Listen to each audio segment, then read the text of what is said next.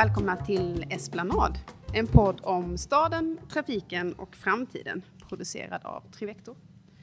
Jag heter Caroline Ljungberg Tolsson och idag så befinner jag mig inte på ett av våra kontor utan jag befinner mig i Almedalen tillsammans med en publik.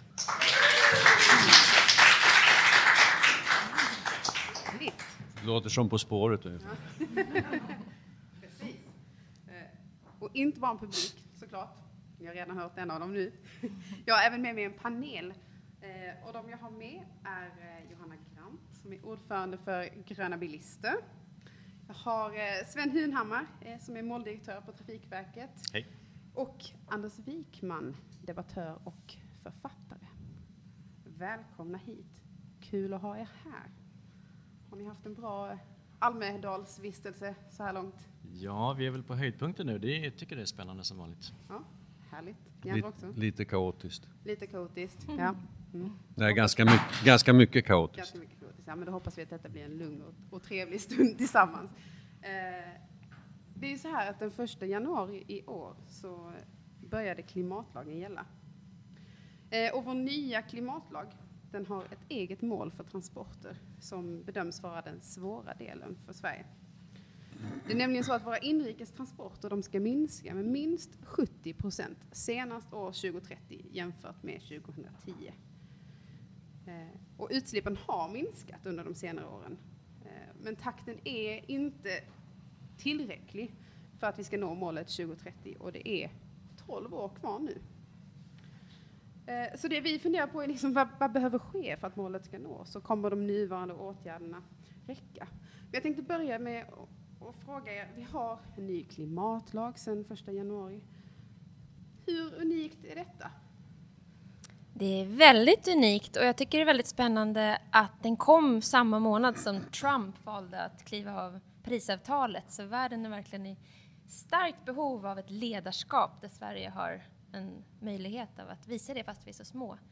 Och det sätter också en långsiktighet för näringslivet. Jag tycker att det man alltid har hört alla år här är att man skriker efter långsiktiga spelregler, men nu finns en gemensam definition av vad som behöver hända inom transportmålet och inte minst för oss kanske i miljörörelsen av att vi har någonting vi kan ha som ett litet secret weapon för att granska beslut som tas och politik som är en viktig ram. Håller du med Anders? Är det unikt?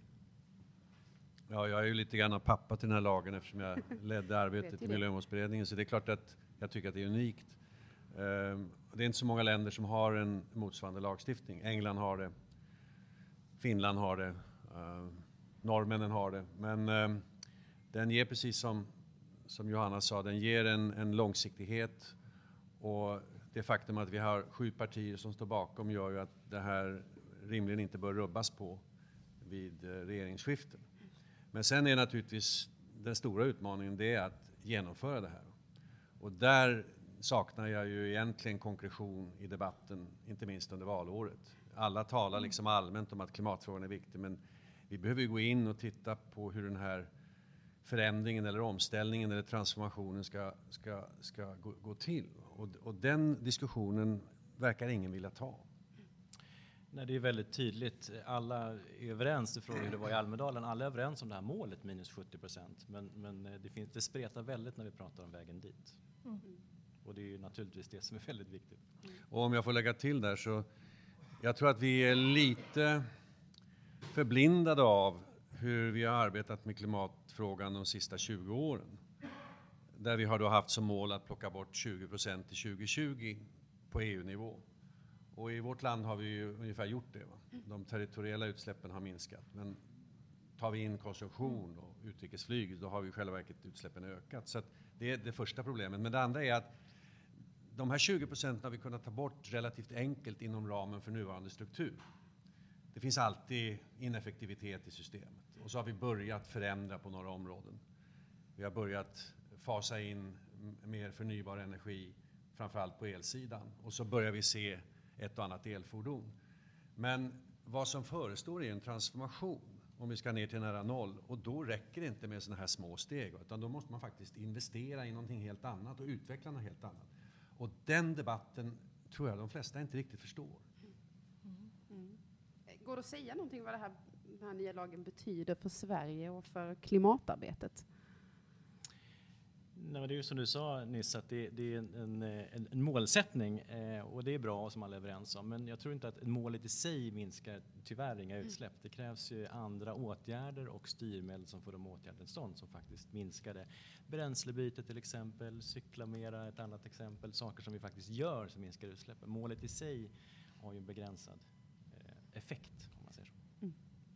Jag tycker när, när den här kom då sa Stefan Löfven att, och Isabella Lövin, nu ska det bli, i princip bli olagligt för framtida regeringar att prioritera bort klimatet. Och det är ju väldigt starkt när man hör det sådär. Men sen när man hör parti, eller valrörelsen här och hur man vet av att klimatfrågan är någonting som väldigt många bryr sig om, bryr sig om mer än till exempel migrationsfrågan, så får den väldigt lite utrymme i jämförelse med till exempel när man läser tidningarna och att det är migrationsfrågan som är först. Så jag håller med dig eh, Anders, hur, hur kommer det här bli i praktiken efter valet? Mm. Det tycker jag själv är svårt av att sia om. Sen är ju migrationsfrågan på sikt väldigt kopplad till ja, det här. Precis. Jag, jag, jag har läst med fasa rapporter som visar på temperaturutvecklingen i norra Afrika, Mellanöstern de senaste 50 åren där där har temperaturökningen varit relativt sett snabbare mm. än genomsnittet, precis som i Arktis. Mm. Och det kommer att bli allt svårare för folk som inte är luftkonditionerade och som har tillgång till vatten och mat mm. att, att överleva där. Mm. Uh, och, och, och, då frågar man, vad, vad, vad kommer de att ta vägen? Mm. Vart ska de vandra? Uh, vi, vi kan nog räkna med ganska storskaliga folkförflyttningar under de kommande decennierna. Och, och, det är ju ingenting vi talar om. Mm. Vi talar om eh, att hur ska vi nu bygga, mm. bygga gränserna starkare? Absolut. Och, och jag, ja, det, det, är en otroligt eh, brist på att se hela systemet. Mm. mm. Think and act locally and globally. Precis. Eh, Anders, du var inne på det innan. Eh, med den nya klimatlagen så säger man att ingen svensk regering kan i framtiden ignorera ansvaret för att minska utsläppen. Är det så? Ja, det är så. Och det som det, det kanske bästa i lagen det är ju att alla politikområden måste ta hänsyn till klimatutsläppen och klimatförändringen i sin egen planering. Tidigare var det inte så. Mm. Eh, det fanns inget liksom, tvång någonstans i en lagstiftning som, som, som krävde detta. Så det gör ju att vi börjar komma komma ur det här silotänkandet där man bara tittar på sin egen sektor, utan man tvingas alltså här se på effekterna eh, på andra områden. Så det tror jag är väldigt, väldigt bra. Mm. Det betyder att man kommer fortsätta att arbeta vidare mot klimatlagens mål oavsett, om vi, oavsett vilken regering vi får helt enkelt. Ja, det är klart en lag kan ju avskaffas, men det är svårare att avskaffa en lag och det blir mycket mera uppståndelse eller mycket mera uppmärksamhet än om man bara ändrar inriktningsbeslut mm. som hade varit alternativet. Jag vet att när vi höll på med lagförslaget och arbetade med, med strategin, då var vi på besök i London och träffade ordföranden i Climate Change Committee där, Lord Devon, som var miljöminister i en Tory-regering. Och han sa att eh, under den förra regeringen, Cameron Clegg, så är jag övertygad om att man hade avstått från att vidta en del klimatåtgärder med hänvisning till att ekonomin var svag. Men nu hade man en lag och den tvingade regeringen till att vidta de här åtgärderna för att leva upp till lagens syften. Och alternativet hade varit att man föreslog parlamentet att avskaffa lagen och det hade man aldrig fått majoritet för. Mm. Så att jag, jag tror att, att, just den aspekten är väldigt viktig. Mm. Det känns som vi kan känna oss gan, ganska säkra. Eh, ni, ni är överens om att det här är en unik lag och den är viktig, men den här frågan får alldeles för, mycket, för lite utrymme. Eh, och vi behöver tänka bredare, vi behöver tänka på klimatflyktingar. Ehm, jag funderar på det här med åtgärder, för vi har sett många nya åtgärder som ska, ska eller har införts under den närmsta tiden. Eh, Bonus malus bara häromdagen, eh, reduktionsplikt med mera. Hur kommer de här åtgärderna att hjälpa oss att nå klimatmålet? Jag, jag har en liten käpphäst. Jag tror man ska skilja på åtgärder, det som faktiskt minskar utsläppen. Byta bränsle, byta från bilen till cykel etc. etc. Sen pratar vi styrmedel och de här styrmedlen det är ju ett gäng som har börjat gälla nu första juli. Eh, bonus malus, reduktionsplikt och sånt. Det är ju incitament för att alla beslutsfattare på alla nivåer ska ändra till åtgärder som faktiskt minskar utsläppen. Mm. Eh, och vi, du börjar med att nämna det här minus 70 målet. På Trafikverket har vi räknat, räknat på vilken, vilken effekt de här nya styrmedlen kommer ha. Och vi landar väl på knappt hälften av det betinget som heter 2030, det vill säga ungefär 35 procent med beslutade styrmedel idag kommer vi nå 2030. Så vi behöver ju skala upp det här väldigt snabbt Mm om vi ska ha möjlighet att nå målet till 2030. Eh, Vilket eh, jag eh. tror att vi har. Även när du tar hänsyn till reduktionsplikten. Svar ja. Och det beror lite på. Vi har inte, vi har inte satt eh, hur den ska gå ner framåt. Det är fortfarande bara ett par år, Mm. tre år framåt. Så där, det är ju en osäkerhet såklart. Men vi, har ju, vi pratar ju om, om tre ben. Ja. Fordon, drivmedel och transporteffektivt samhälle. Och hittills har vi ju, Mm. som ni var inne på här nyss, pratat, eller lyckats bäst med bränslebytet. Bilen, bränslet, beteendet som vi översätter det till. Exakt.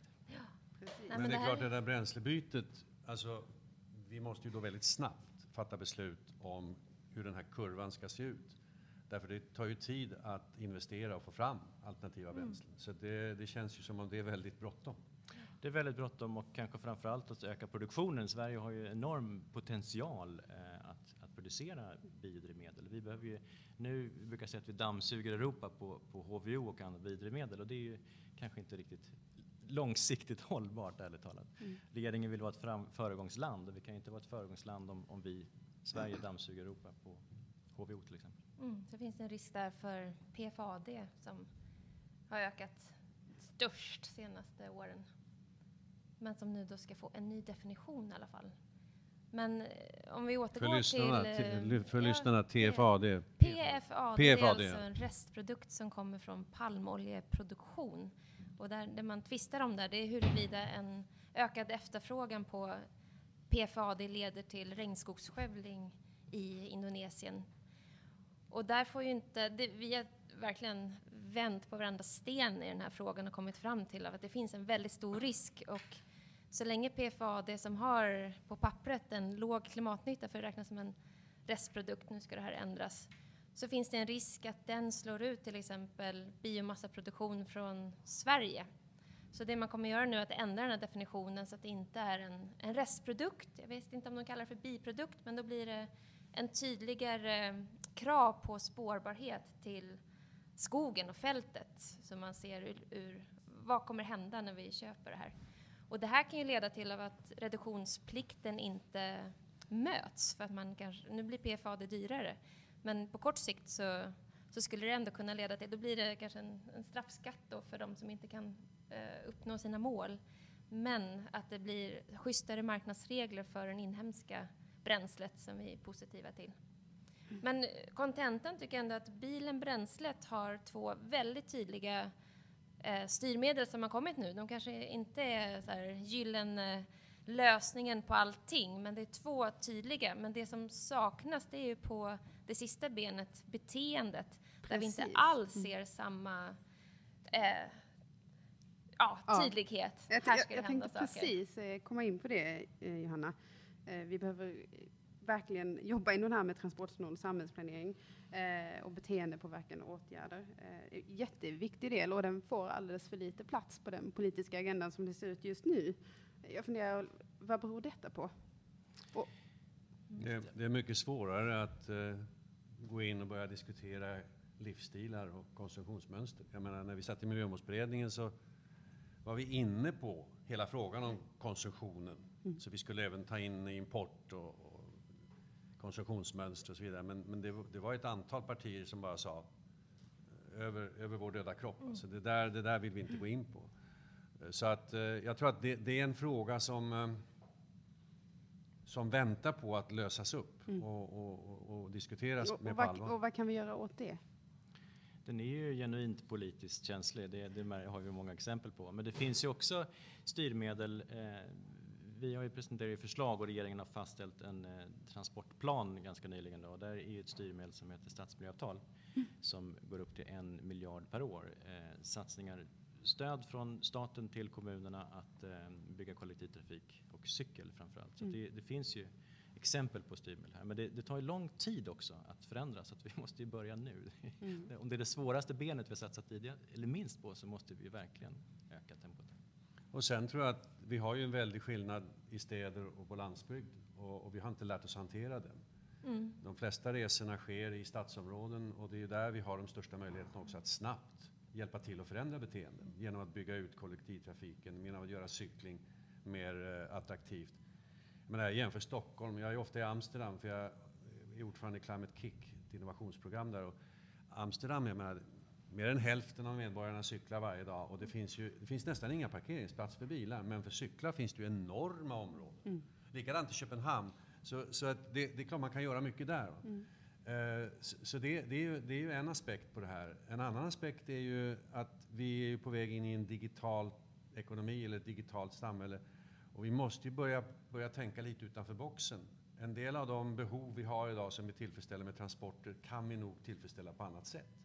Resfria möten till exempel, när teknologin blir så bra. Så, att, så att det är otroligt mycket som, som bör kunna hända. Mm.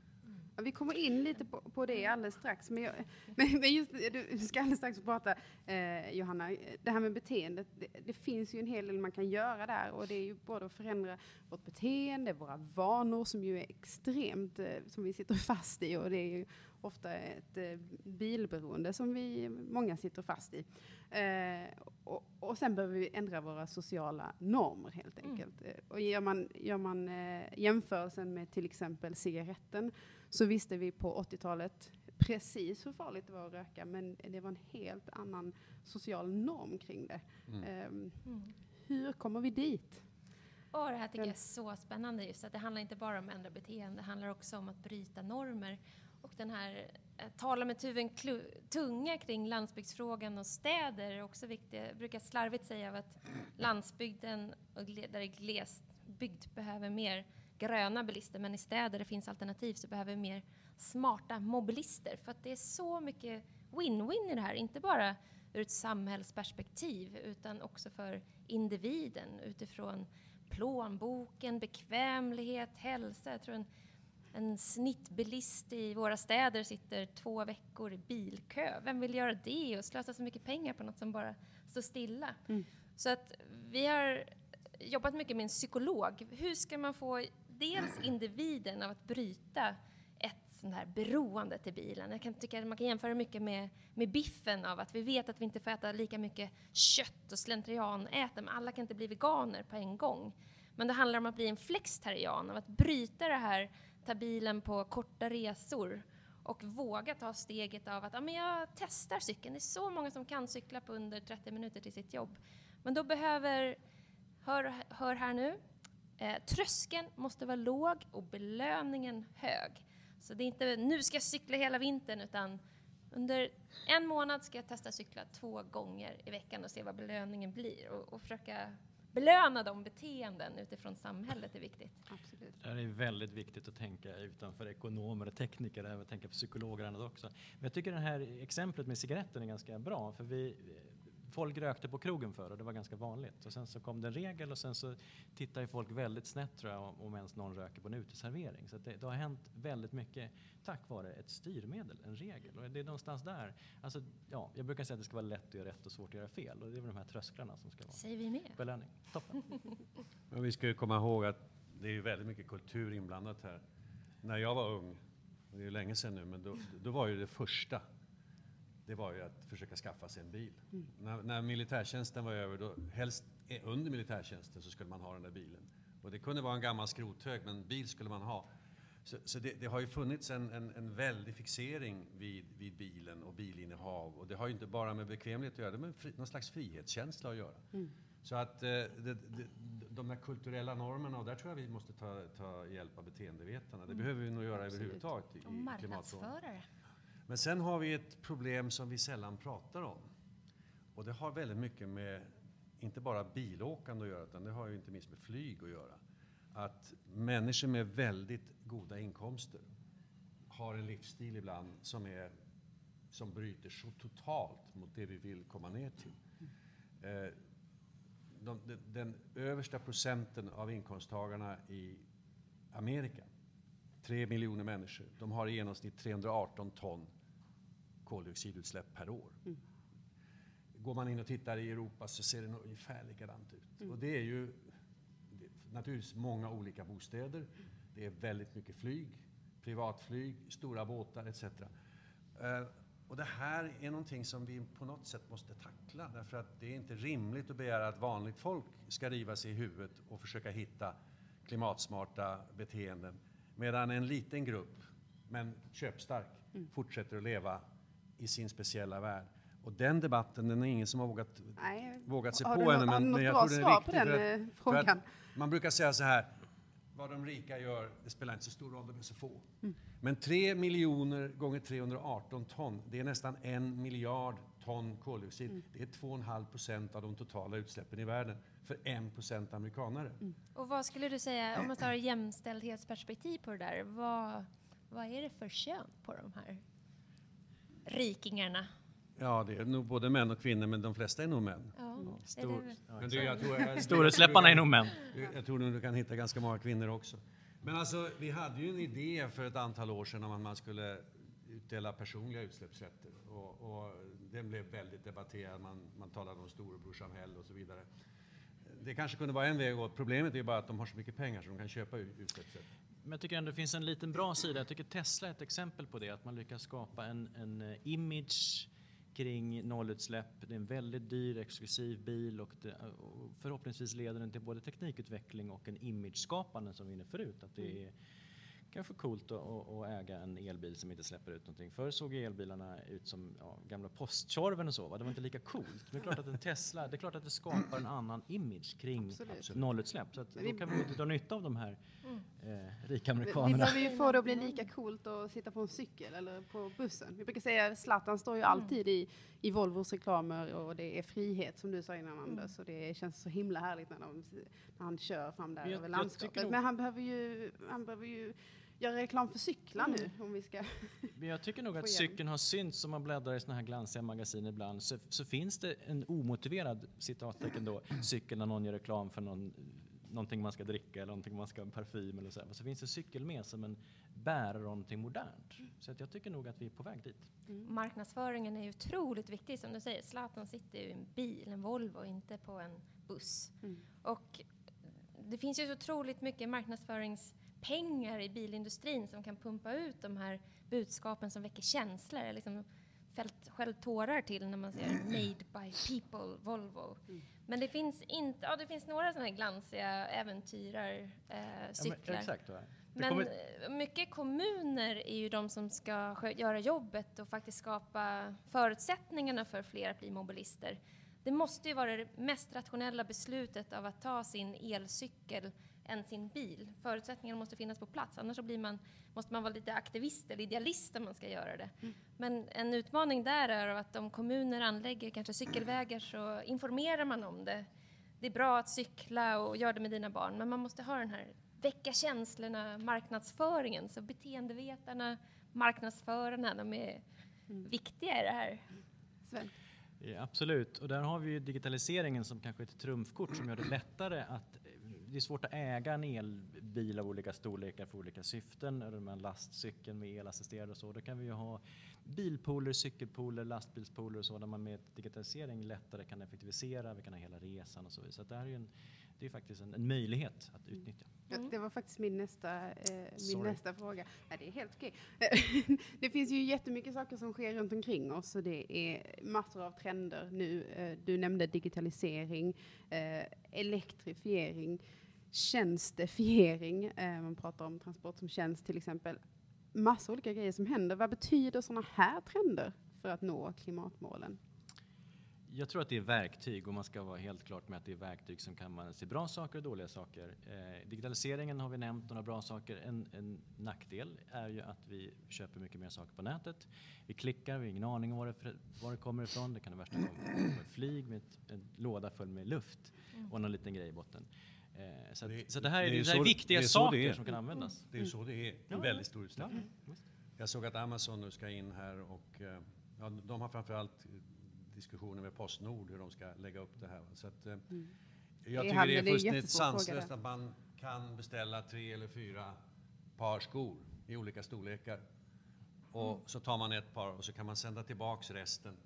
Och jag råkar veta att som regel så kasseras det som kommer tillbaka. Oj. Så att, så att det, är en, det, är en, det är en otroligt slarvig bransch, alltså. Mm. hela den här postorderbranschen eller, eller e-handelsbranschen. Mm. Och Men- den är ju väldigt, den är väldigt mycket kopplad till hela konfektionsindustrin. Mm. För det är väldigt mycket kläder man köper på det här viset. Och den branschen är också lite grann en, en, en man får skrämselhicka när man tittar på Mm. siffrorna. Hur mycket som används slutligen av det som produceras. Mm. Så att Men när det gäller just e-handel tänker det här är jag, beteenden som, som, som vi måste förändra. ja, är det inte någonting som vi behöver hantera? Just när det kommer till e-handel som du nämner. Absolut. Jag tycker det här är exempel på, på verktyg som går att använda bra och dåligt. Och, och, och vi, har, vi har gott om kapital, många som har sagt den här veckan. Digitalisering är ett fantastiskt verktyg som används rätt. Så satsar vi på rätt saker, då tror jag absolut, för att återknyta till början här, att vi kan nå de här 70 procenten. Eh, problemet är att vi inte gör det idag. Och det finns väldigt...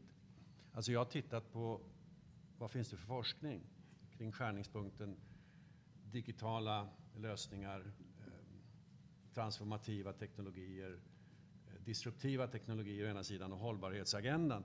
Det finns väldigt lite kunskap om det där.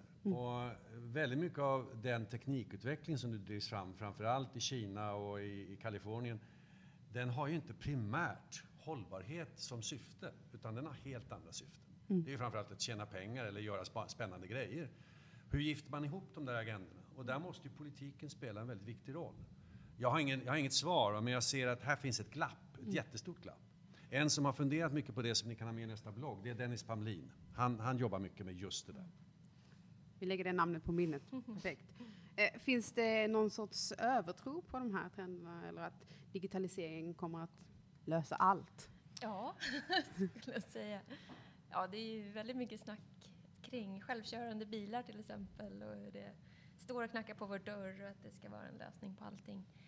Där det också är en vattendelare, men hur, det är ju faktiskt upp till oss att bestämma hur ska vi använda den tekniken och där skulle det kunna kanske bli någonting bra men också någonting som förstärker problemen. Så att teknik och digitalisering i själv är ju inte en bara lösning per automatik utan det är ju upp till oss att bestämma vad ska vi ha för samhälle, hur kan det här stötta den målbilden? Jag vet att jag har pratat med Christer Ljungberg om det vid flera tillfällen. Frånvaron av någon, någon slags ramverk och ramtänkande kring hur den här autonoma fordonstekniken ska användas. Jag skulle vilja fråga Sven, har ni, har ni tittat på det på Trafikverket? Vad det, hur det kan se ut? Har ni gjort scenarios eller?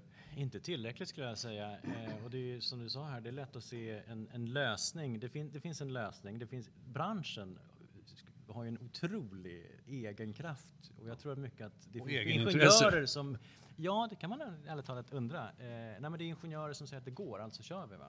Och, och då är det en lösning och det är inte säkert att det passar upp till ett problem. Så att, det- kan man vara lite rå här så kanske det är en lösning som söker efter ett problem.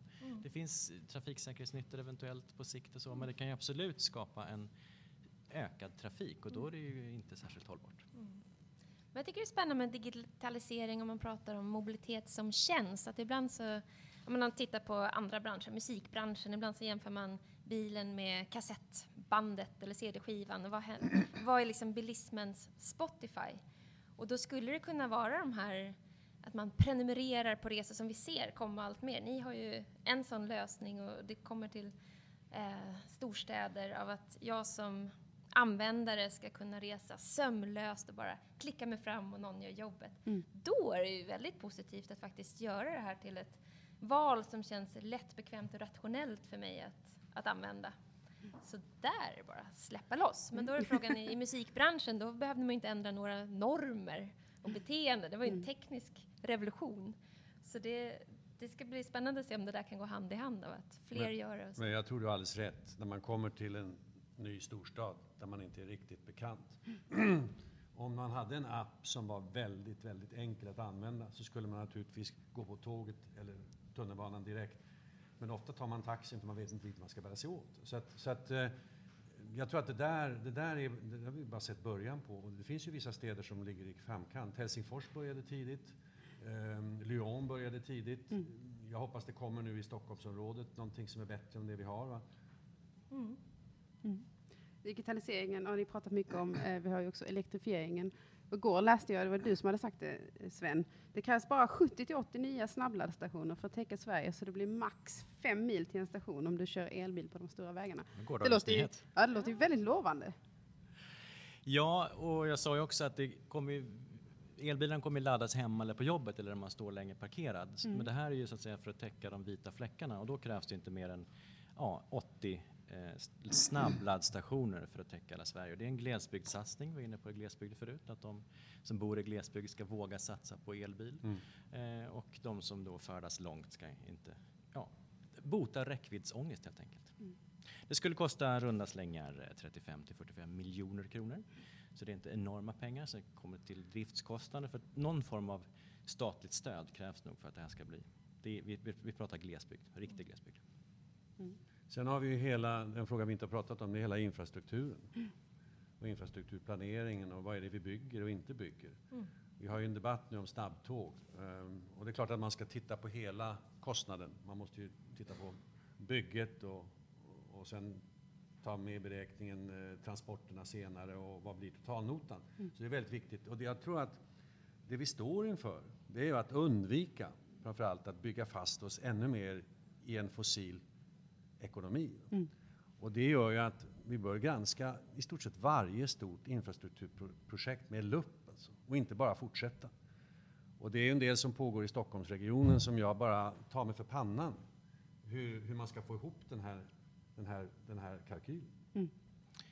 Den här planen som nyligen har beslutats av regeringen då, eh, det är lätt att prata, den är väldigt järnvägstung. Eh, någonstans 75 procent kanske är eh, järnvägsinvesteringar. Det finns inga nya stora väginvesteringar i den planen och de väginvesteringar som finns eh, är testade mot ett klimatscenario kan man väl uttrycka sig lite rått då, att de är lönsamma även med minskad biltrafik jämfört med idag med 12 procent.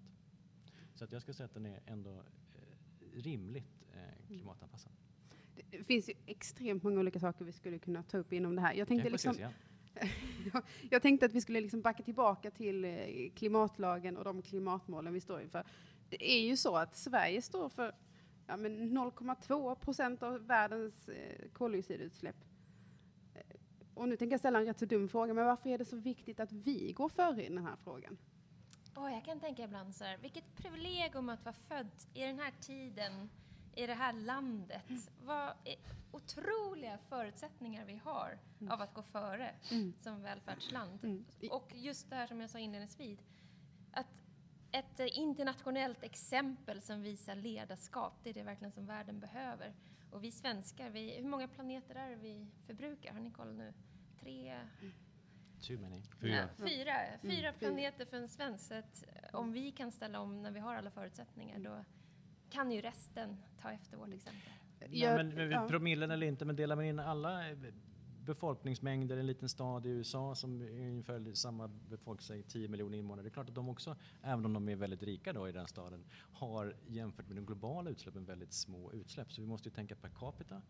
Eh, och jag, det är också ofta en debatt om att var våra pengar i Sverige gör störst nytta. Jag tror faktiskt att de gör störst nytta för att skapa det här exemplet, permanenta världsutställningen, vad vi kallar den för. Att vi faktiskt kan eh, sälja affärsmodeller som andra kan ta efter. Inte bara tekniker utan beteendeförändringar som krävs. Eh, Anders, gör det någon skillnad då, när vi jobbar med Ja, detta i Sverige? ja, men det är klart det gör. Och vi kan ju inte gå ut i en internationell debatt och uppmana utvecklingsländer att göra på ett annat sätt än vad vi har gjort om vi inte själva ställer om. Alltså det, det blir en väldigt konstigt budskap. Och sen behöver världen goda exempel. Och orsaken till att vi får ganska många delegationer, inte minst från Kina, som kommer hit och tittar på olika aspekter på, på hur vi har löst problem. Det beror ju på att de, de är ute och raggar bra, bra förebilder. Så, så det ska vi inte skämmas för.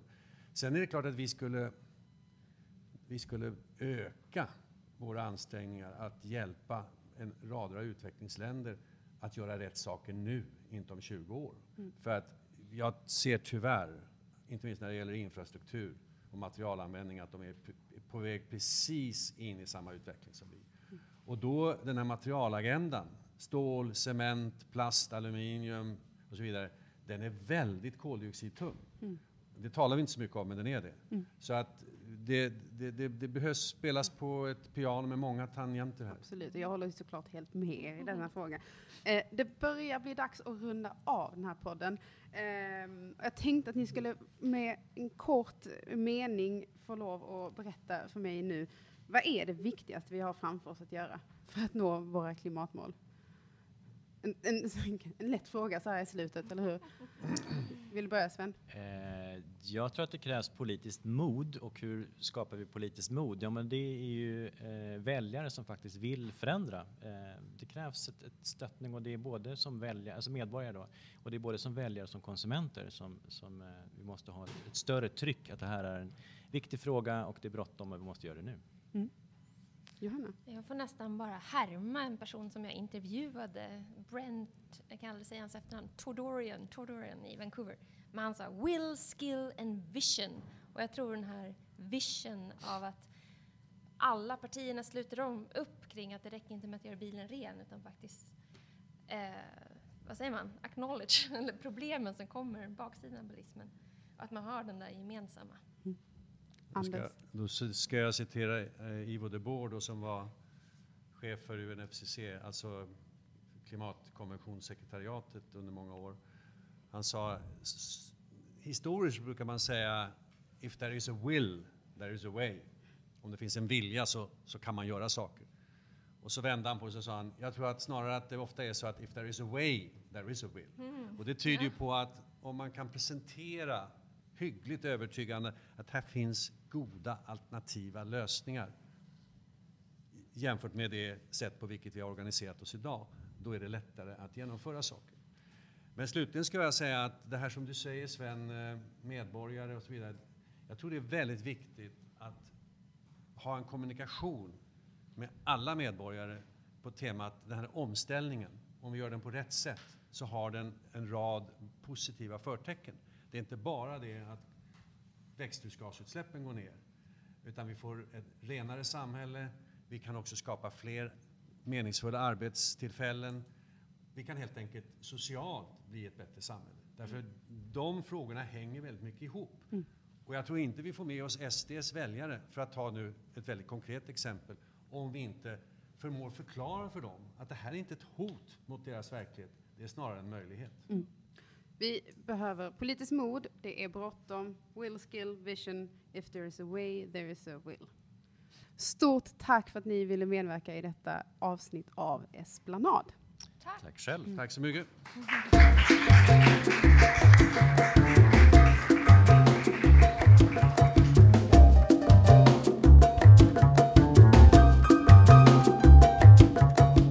Du veta mer om podden eller om Trivector? Besök då trivector.se.